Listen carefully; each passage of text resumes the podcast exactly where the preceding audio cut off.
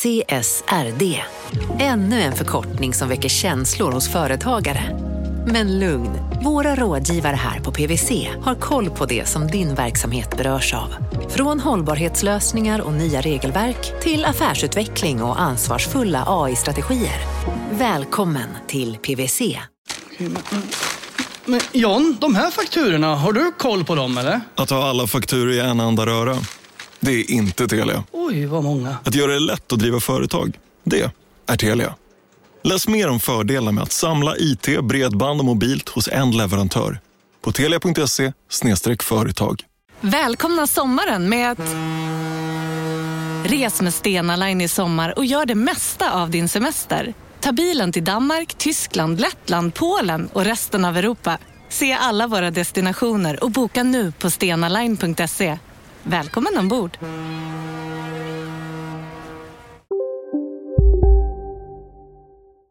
Från Monopol Media, det här är Kapitalet. Jag heter Åsa Secker. Jag heter Gunnar Harjus.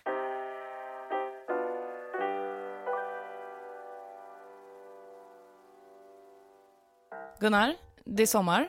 Vi ägnar ju den här sommaren, eller okej, de veckorna vi har semester, åt att så här, åka tillbaka lite tiden till så här, gamla härliga avsnitt av Kapitalet. Det gör vi. Den här veckan så åker vi tillbaka till eh, Täby centrum. Inte min favoritplats. Skulle köpa lite guld. Men det var ändå dit du och Jakob åkte för att köpa guld i februari förra året. Det var det. Ehm, men eh, alltså en tacka, tänker jag. 100 gram.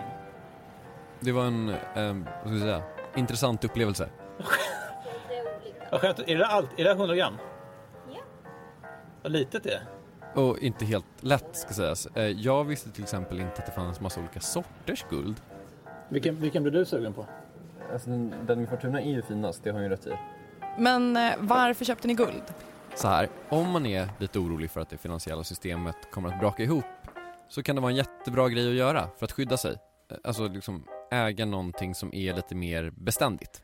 Var du och Jakob oroliga för att det finansiella systemet skulle kollapsa? Alltså vi var väl kanske inte superoroliga men vi hade pratat med folk som var ganska oroliga och visst, jag skulle erkänna, det gjorde oss lite oroliga. Men, men jag fattar inte riktigt hur guld är lösningen. Alltså vad är det för fel på pengar i madrassen? Eh, felet på pengar i madrassen så som de här personerna vi pratade med uttryckte det det kommer vi få höra alldeles strax men, men man kan väl summera det som att pengar i madrassen inte är värda någonting längre. Eh, så här, tänk att vi har en pizza Mm. Mm. och så delar vi den i två så att du får halva och eh, jag får halva så vi har en bit var kan man säga. Men vi blir inte mätta på bara en bit var så vi delar den här pizzan på fyra bitar istället så då får vi två bitar var. Det är mycket bättre, eller hur? Eller hur är det nu igen? Är man en dumhuvud om man tycker att det är bättre? Ja. Ja, för det är ju bara en pizza man har delat på och så har man delat den i fyra istället för i två och bitarna blir ju bara mindre. Jag är med på det här. Jag eh, har erfarenhet av pizzadelning. Ja, och det är det här som oroar en del människor. Att våra pengar är den här pizzan. För just nu så är det så att eh, centralbanker runt om i världen trycker upp massa nya pengar. Men det är inte riktigt så att vi blir rikare av de här nya pengarna. De delar ju bara pizzan i flera bitar. Hänger du med? Alltså jag tror att jag hänger med men jag tänker ändå ställa en eh, potentiellt dum fråga till. Alltså jag fattar inte riktigt varför inte fler sedlar betyder att vi blir rikare. Ja men så här. Eh, pengar har ju inte uppstått ur liksom ingenting. Eh, vi uppfann ju pengar för att kunna köpa och sälja massa olika grejer med varandra istället för att bara byta. Tänk att du bakade bröd och jag byggde bord. Det är jättesvårt om jag hela tiden måste bygga ett bord varje gång jag vill ha ett bröd.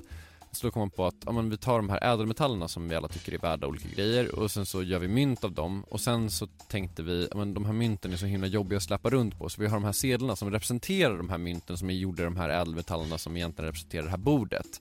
Typ så. Så man skulle kunna säga att när pengar uppfanns så representerade de någonting faktiskt. Och spolar man fram några hundra år i tiden så är pengars värde fortfarande kopplat till någonting faktiskt men med ytterligare en mellanhand kan man säga.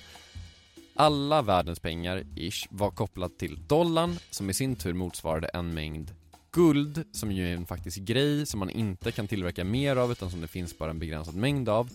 Det här är ett system som du hör.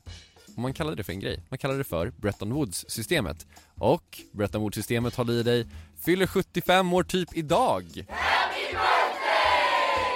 Men nu har man släppt det där. Bretton Woods-systemet används inte längre.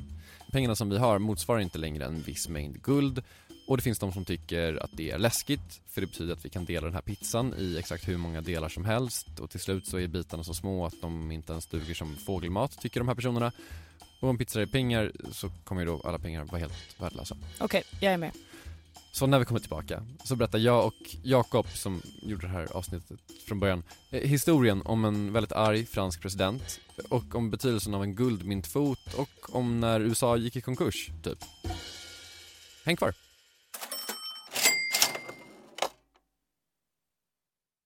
Vi sponsras av Storbrand Asset Management som ju förvaltar över 1000 miljarder norska kronor, bland annat för SPPs eh, många pensionssparare. För två år sedan så investerade Storbrand i drygt 60 tåg, alltså tågvagnar, eh, som rullar mellan London och Skottland. De leasar sedan de här tågvagnarna till tågoperatören som alltså kör tågen och säljer biljetter och sånt eh, med ett avtal på 27 år. Så britterna får nya fina tåg och storbrandskunder, eh, däribland alltså SPPs pensionssparare, får en inflationsskyddad avkastning med låga risker under lång tid. Det här är ett av supermånga exempel på hur pensionskapitalet i växande omfattning bidrar till att bygga samhället och inte minst till att klara klimatmålen. Det behövs elproduktion, elnät, batteriparker, nya transportlösningar och allt möjligt. Bara i Europa antas investeringsbehovet för att klara klimatmålen uppgå till tusentals miljarder dollar. Och det här är ju pengar som ganska ofta saknas i statsbudgetarna.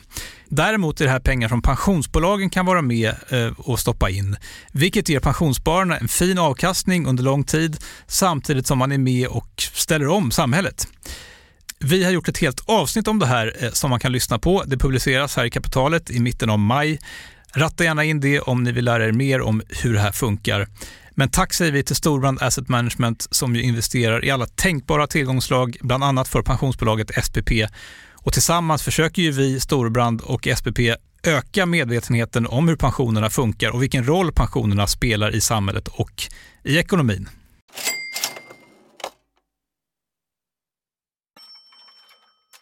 om man liksom tittar på allting som byggs i Stockholm just nu, typ så här nya Hagastaden, det här stora projektet ute i Värtan, så alla de här stora områdena är egentligen resultatet av ett planeringsarbete som gjordes i slutet av 00-talet. Och personen som var ansvarig för cirka allt som hade med bygg och Stockholm att göra på den här tiden eh, heter Kristina Alvendal eh, och Jakob har träffat henne för fastighetsprofilerna. Om man tittar från Stockholm från ovan, framförallt då, 2008, så såg ju Stockholm väldigt mycket mer ut som en skärgård än vad det gör idag. Det vill säga de olika eh, stadsdelarna hade ju poppat upp där tunnelbanestationerna poppade upp och hängde inte alls ihop med varandra ovan jord. Vilket ju gör att stora delar utav Stockholm är antingen är det obebyggt eller så hänger det inte ihop eller så går det en stor eh, barriär i form av en vägsnurra eller ett slyområde eller vad det kan tänkas vara.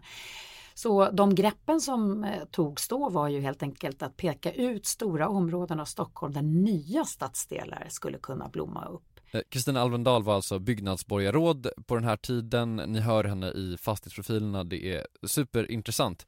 Och Fastighetsprofilerna är alltså podden som vi gör tillsammans med Tessin.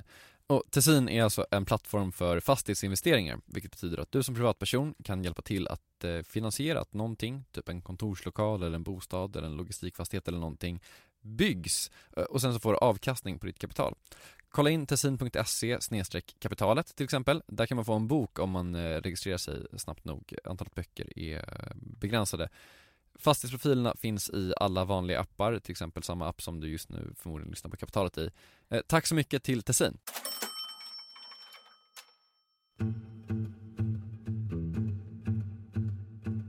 Mm. Alltså den första gången jag hajade till, det var när jag förstod att moderna pengar, liksom, de här valutorna som vi använder till vardags, att de inte är uppbackade med någonting överhuvudtaget. Det här är Jonny Mellgren, en svensk kille som bor på eh, Malta av alla platser. Han beskriver sig som en investerare och eh, entreprenör. Han gör ekonomiradio för den libertarianska podden Radio Bubbla. Och han är också en person som, om man ska dra saker till sin spets, har tappat tron på pengar. Jag trodde på något sätt att det, att det, ja, att det låg guld någonstans som var så att säga garanten för de här papperslapparna vi använder.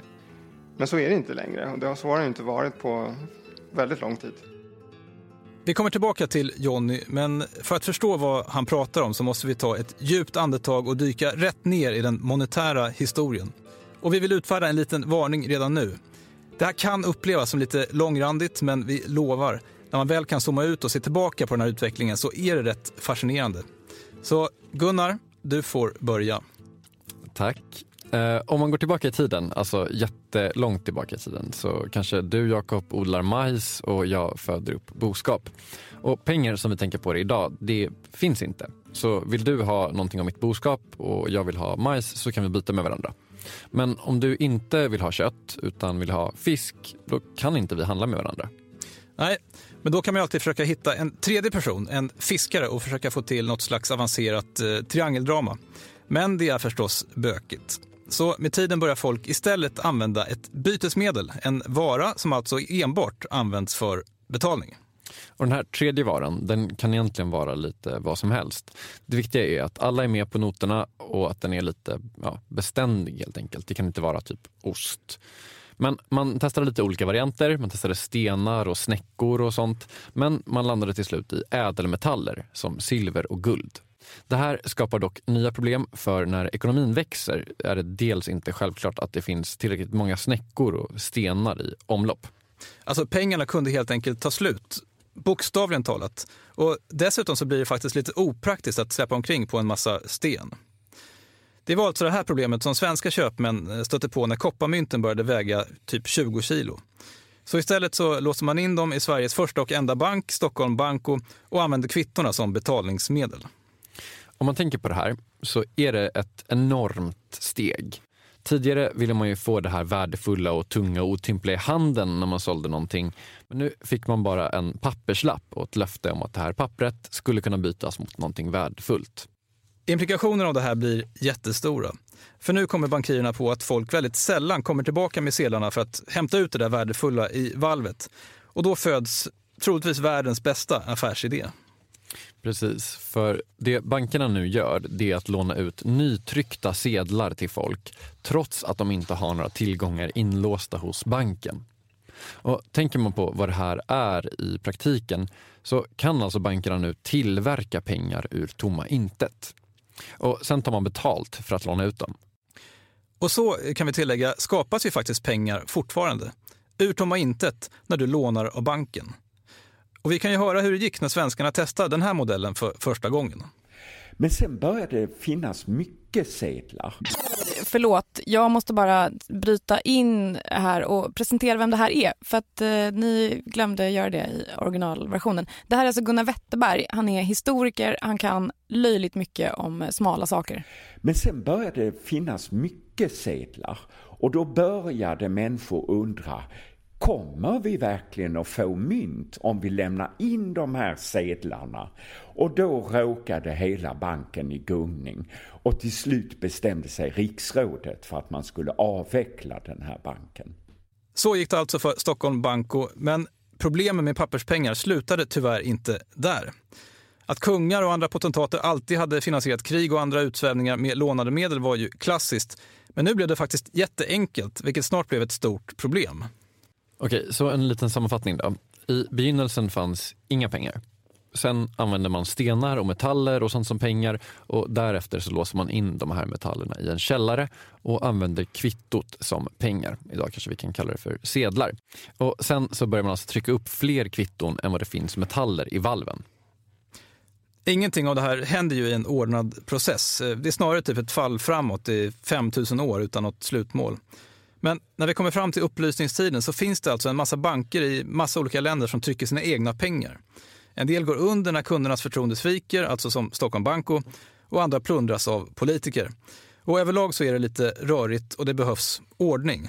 Så för att råda bot på det här så upprättar man centralbanker som får monopol på utgivningen av papperspengar i varje land. Och nästa steg det blev att få lite ordning även i handeln. Och då började man utforska det här med fasta växelkurser. Och allt det här blev början på den klassiska guldstandarden, eller guldmyntfoten.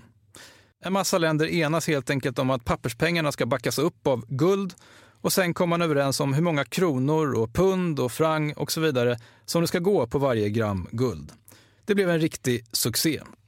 Guldmyntfoten fungerade som allra bäst under årtiondena före första världskriget. Man talade till och med om att införa en världsvaluta eh, eh, och trodde ett tag att den franska guldfrangen skulle bli det här. Sen fick kejsar Napoleon den tredje spö av tyskarna under Brismark och så blev det inget av det här med guldfrangen. Men guldmyntfoten fanns ändå och innebar att alla valutor som ingick i guldmyntfoten, de var ju i praktiken konvertibla mot varandra och det gjorde att kapitalflödena och handeln var väldigt enkla under den här tiden. Men sen så behövde vi köpa en massa vapen och då började sedelpressarna gå igen. Första världskriget innebar att guldmyntfoten pajade. Man lämnade den efterhand. När första världskriget var över så ville man återställa guldmyntfoten för man trodde att det skulle innebära att handeln skulle ryckas upp igen. Men en del länder, bland annat USA, tyckte inte om guldmyntfotens verkningar fullt ut utan försökte manipulera hur guldmyntfoten fungerade. Och det här ledde till att när vi fick Wall Street-kraschen så började det bankväsendet i världen komma i gungning och de här gungningarna ledde till att en del österrikiska och tyska banker pajade och det ledde till att fler och fler länder lämnade guldmyntfoten i början av 30-talet. Och sen fick vi den stora protektionismen under 30-talskrisen som gjorde att världshandeln fungerade sämre och sämre och det här bidrog delvis till nazisternas frammarsch i Tyskland. Ja, det här med pengar är ju alltså en känslig fråga, det hör ni ju. Så vi får ett krig igen och sedelpressarna går då varma igen och sen så måste man uppfinna det här hjulet igen. Och sommaren 1944, till slut så tar vinnarna i kriget eh, in på ett hotell i Bretton Woods i amerikanska New Hampshire. Och när de checkar ut igen tre veckor senare så har man hittat på ett helt nytt monetärt system. Och man kan säga att det man kom fram till det är att alla världens länder ska tillämpa en fast växelkurs mot dollarn och att en dollar i sin tur ska låsas till guldet. Kursen den blev 35 dollar per ounce och när Sverige anslöt 1950 så kostade en dollar drygt 5 kronor. Och då var alla valutor som var anslutna till det här systemet, de blev så småningom konvertibla mot dollar och dollarn var sin tur skulle gå att lösa in mot guld. Så att vi hade en indirekt guldmyntfot under de första årtiondena efter andra världskriget. Okej, okay. Så vi hade alltså börjat skapa mer papper än det finns pengar och efter kriget byter vi ut pengarna mot amerikanskt papper som i sin tur backas upp av pengar som nu är guld. Ja, vem hade sagt att det här med pengar är enkelt? Och att det blev så här, det beror alltså på att USA hade exporterat massa prylar till Europa och fått en massa guld i utbyte. Till slut satt de på enormt mycket guld, vilket var en väldigt bra förhandlingsposition skulle det visa sig. Men det innebar också att ansvaret för systemet nu helt vilade på USA, vilket slutade uppseendeväckande illa. När dollarn blev reservvaluta, som den då kallades i det här systemet, så tog de andra länderna emot dollar för att ha det som buffert om de skulle råka i gungning. För dollarn betraktades som lika bra som guld. Men under Vietnamkriget på 60-talet så missbrukade amerikanerna den här ställningen som reservvaluta. Så de gjorde precis som de svenska kungarna när de skulle finansiera sitt krig mot Ryssland. Amerikanerna tryckte upp dollarsedlar för att finansiera kriget mot Vietnam Och det här märktes till en början inte i inflationstakten. För när amerikanerna tryckte upp fler sedlar så tog de andra centralbankerna, däribland den svenska riksbanken, de tog emot de här nya dollarsedlarna och la dem i sina kassavalv så de kom aldrig ut och spädde på köpkraften. Men i slutet av 60-talet börjar det här systemet spricka upp. Kapitalet sponsras av Master Exchange, plattformen där du som privatperson kan investera i låtar och får pengar varje gång de här låtarna spelas.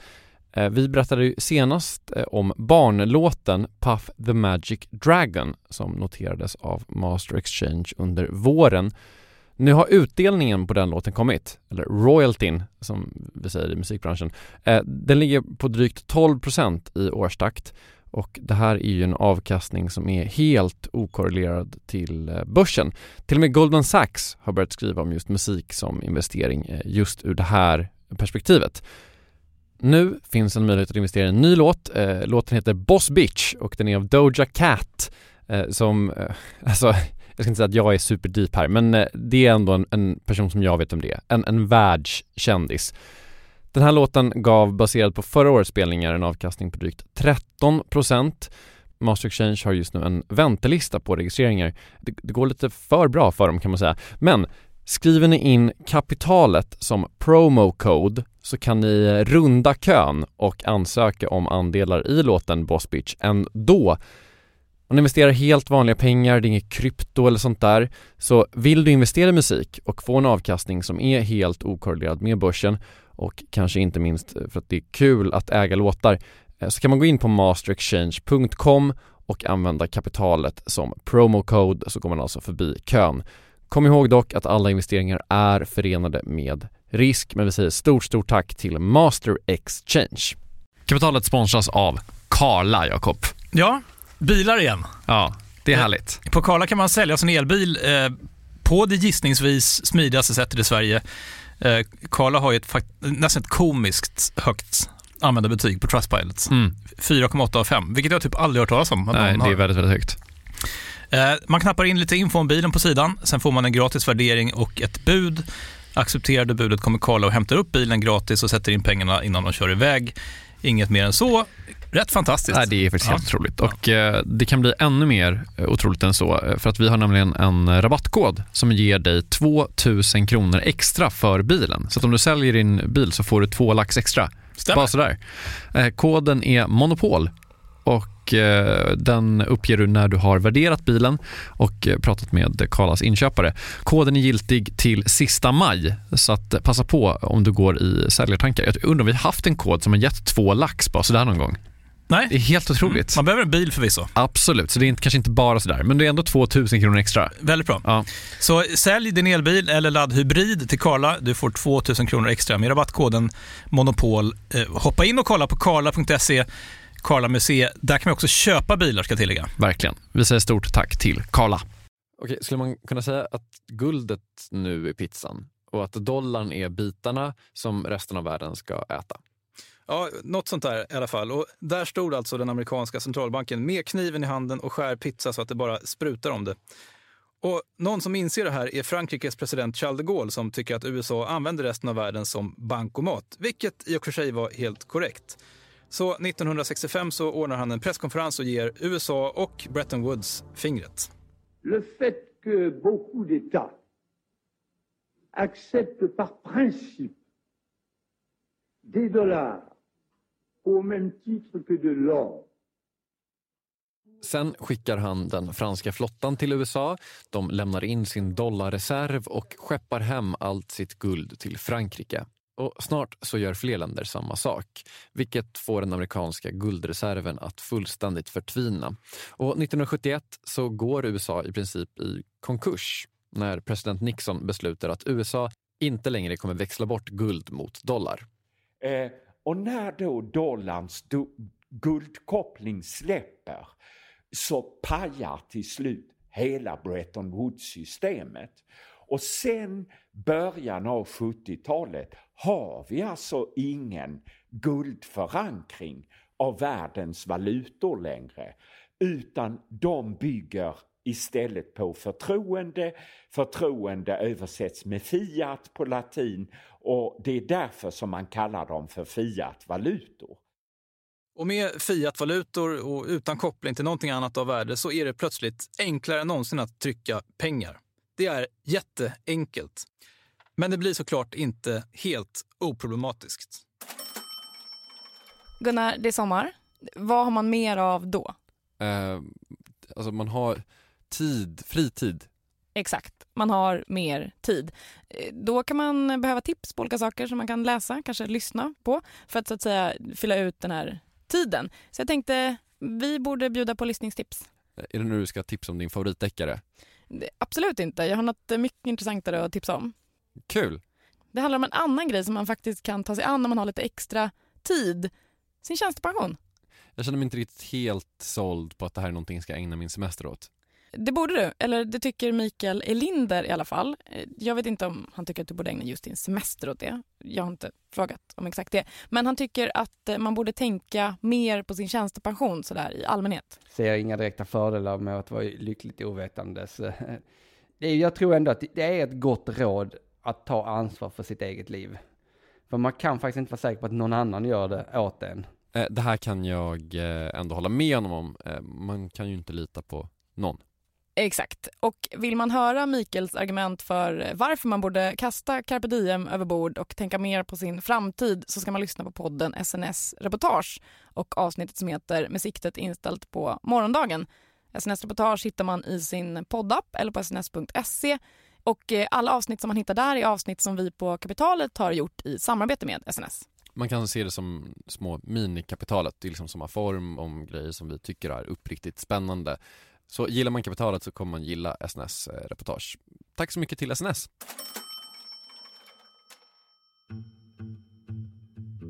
Så för första gången i världshistorien, det här är rätt remarkabelt, för första gången i världshistorien förlorar det monetära systemet all koppling till guld och silver globalt samtidigt. Det är alltså när han får höra talas om den här händelsen för många år sedan som eh, Johnny Mellgren börjar förlora förtroendet för det monetära systemet. Så det här är alltså första gången i människans historia som helt plötsligt så har vi ingen reell koppling till någon, något, någon riktig produkt underliggande. Nu är det bara på, på papper. Hitta på papper alltså. Och det är väl här som både kunskaper och åsikter börjar gå isär. Att pengar idag endast är upphängt på människors förtroende för systemet, det är troligtvis någonting som folk inte tänker så mycket på. Vi har ju nog med problem som det är, så vi accepterar väl pengar för att det är ja, pengar helt enkelt. Men enligt Johnny Mellgren så är fiatvalutor dömda till att gå under. De har en väldigt kort livslängd. De brukar ha en eh, livslängd, i snitt är det väl typ 40 år eller något sånt där. Jag kommer inte ihåg exakt vad, vad snittet är. Men eh, jag brukar tänka så här att det enda som backar upp pengar är vårt förtroende för pengar. Alltså vi har förtroende för pengar för att vi tror att någon annan kommer acceptera pengarna imorgon i utbyte mot andra varor och, och tjänster. När man tittar tillbaka i historien och man ser att när en politiker eller byråkrat har haft tillgång till en stor tryckpress där de kan trycka massa pengar, då, då har de en tendens att använda den tryckpressen också. Och det brukar bara sluta på ett sätt. Det finns massor med historiska exempel på det. Ja, det här låter ju inte alls så lovande. Man skulle till och med kunna säga att det låter lite oroande. Så vi måste ju göra någonting. Men vad då? Ja, jag är på någon bakgata här i centrala Stockholm som jag inte ens visste existerade och jag ska hem till eh, en kille som heter Mikael Syding, en för detta hedgefondsförvaltare som ska vara duktig på det här ämnet. Eh, får se vad han har att säga.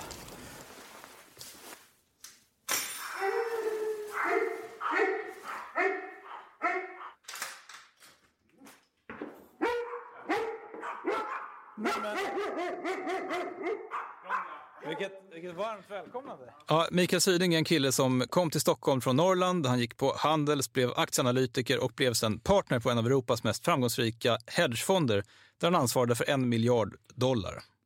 Det är så jävla mycket. Från och med att man införde QE, alltså kvantitativa lättnader, ren, rent penningtryckande 2008, eller om det var våren 2009, då började jag ana att det här är, det här är inte hållbart. Det här är en desperat åtgärd. Det är, man skapar definitivt inte välstånd genom att trycka pengar. Och sen från 2009 och framåt så har jag haft en, en stigande känsla av att det här, det här kommer inte fungera.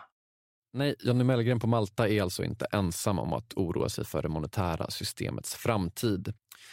När Mikael Syding insåg att pengar bara bygger på förtroende så började han också ifrågasätta om dagens system överhuvudtaget är hållbart.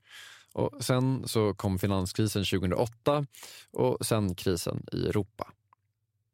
När Mario Draghi gjorde sitt uttalande i juni 2012 och, och sa whatever it takes och han dessutom hade en liten egen anekdot om det där att han hade liksom krafsat ner det för hand i sina anteckningar strax innan han gick upp till mikrofonen. Eh, då tänkte jag, det här är första steget mot, eh, eh mot en reset av fiatvalutor och det ekonomiska systemet. En massa saker hände efter att Bretton Woods kollapsade 1971. Världen och finansmarknaderna avreglerades, vi började uppfinna en massa nya konstiga finansiella instrument och det skapas helt enkelt otroligt mycket nya pengar. Till slut så blir det finanskris och för att mota den här krisen i grind så började centralbankerna sänka räntorna och trycka ännu mer pengar. Pengar som nu används som lån till stater och företag. Så man kan säga att istället för att åtgärda själva roten till problemet så har skulderna istället blivit större. Och Det handlar om så stora belopp att man egentligen inte blir klokare av att försöka räkna själva pengarna. Jag tycker att det, det största problemet är uppbyggnaden av skulder. Det är eh, de, de utlovade utgifterna av stater och de faktiska skulderna som man redan har dragit på sig och inte minst hastigheten med vilken den totala skuldnivån i världen har dragits upp.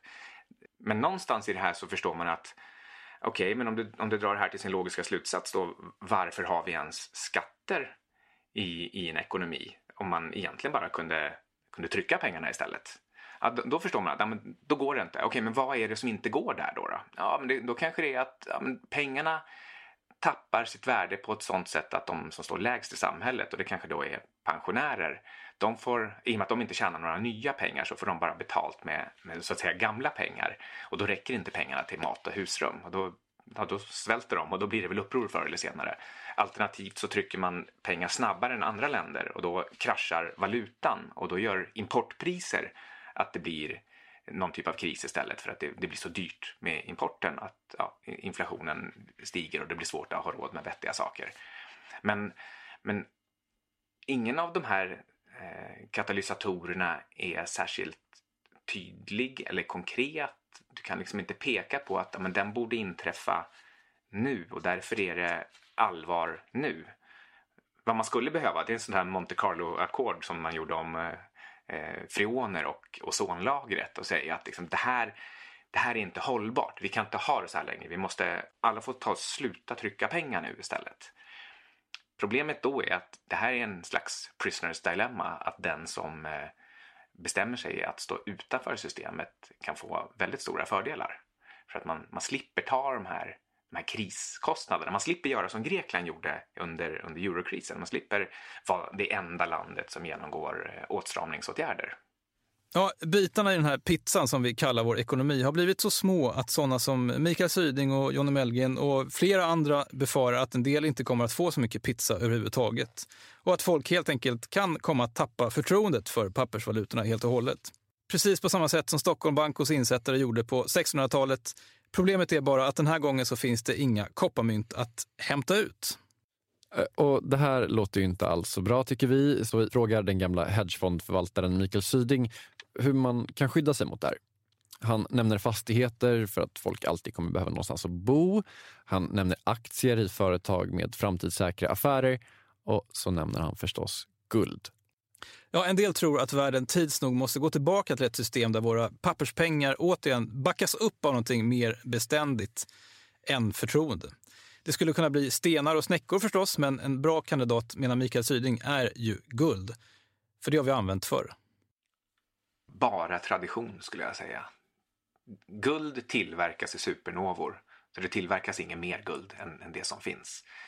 Och om man, om man använder guld som en slags förhandlingsmarker eller, eller säger att vi kopplar allting till guld för att vara säkra på att ingen börjar trycka pengar igen så att vi, vi slipper hela det här problemet. Den lilla mängd guld som finns måste ha en viss andel av världs-BNP. Och så kan man välja hur, hur välbackat ska systemet vara? Ska man, ska man ha eh, någon typ av fractional Gold Reserve Banking i grunden som är 1% eller 10% eller 50%. Man lär ju knappast ha 100% för då, ja, då står guldpriset i över 100 000 dollar. Men, ehm, men någon av de här som procentsatserna så, eh, så kommer guld helt enkelt ha ett mycket, mycket högre pris i förhållande till BNP än, än vad det har idag. Men med det här sagt så är det, det är fortfarande bara en spekulation om att man väljer den här liksom gamla barbariska reliken som, som bas. Det behöver man absolut inte göra. Man kan välja någonting helt annat. Det är bara att man har brukat göra det och det inte går att tillverka något mer av det. Och det är fortfarande någonting som går att tälja i småbitar och det går att flytta på och det går att inspektera. Så det, det uppfyller väldigt många eh, funktioner. Det, det enda funktionen som den liksom inte riktigt uppfyller är att den har inget värde i sig.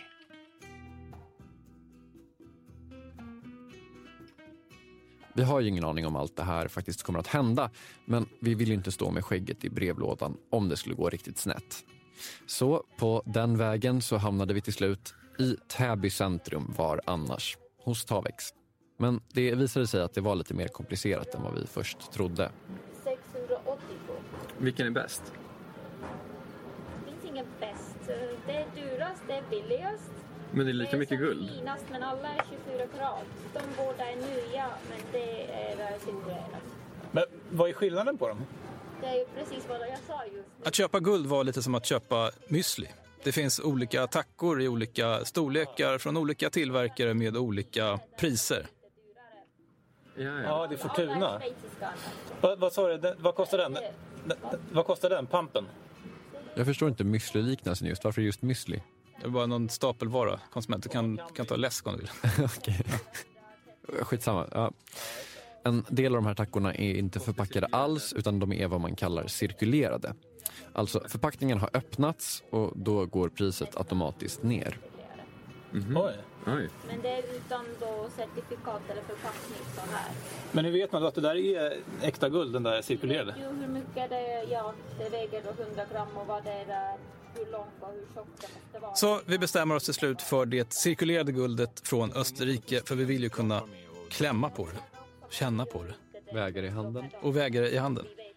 Den kostar 34 682 kronor.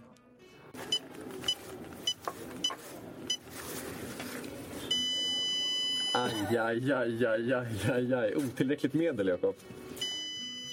Mm, Jakob övertrasserar alltså firmakortet och betalar resten med familjekortet.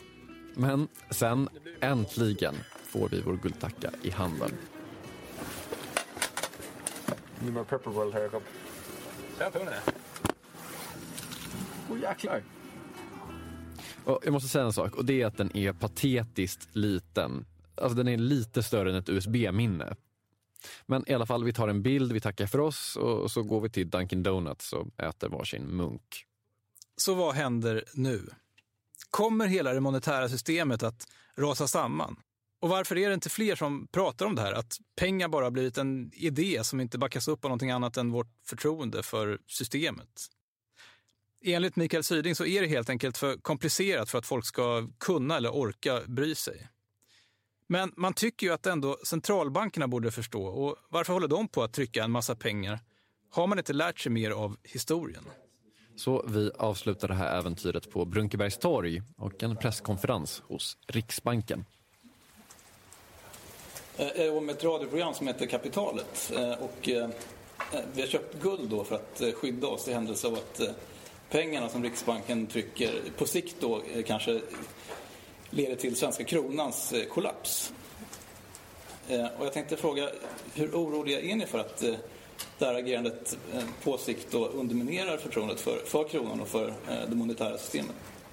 Ja, alltså jag är, ska jag säga det, måttligt oroad för det. Jag menar, om man tittar på Sveriges fundamentala förutsättningar jämfört med många andra länder så är de. Och svaret? Kanske precis det svar som man hade kunnat förvänta sig av en riksbank. Ingen fara på taket. Var inte orolig. Allt kommer att gå bra. Mm. Vi får väl se. Den där guldtackan är eh, enligt rykte i Monopol Medias ägo än idag. Jag har inte fått se den. Den finns faktiskt, jag lovar. Du får nog bara lita på mig. Eh, och med den uppmaningen så är Kapital slut för idag. Det här var ju då en repris av ett avsnitt som jag, som heter Gunnar Harjus, och vår chef, som heter Jakob Bursell, har gjort. Eh, det var för typ ett och ett halvt år sedan. Eh, du heter Åsa Secker, på Instagram heter vi Kapitalet. Hej då! Hej då!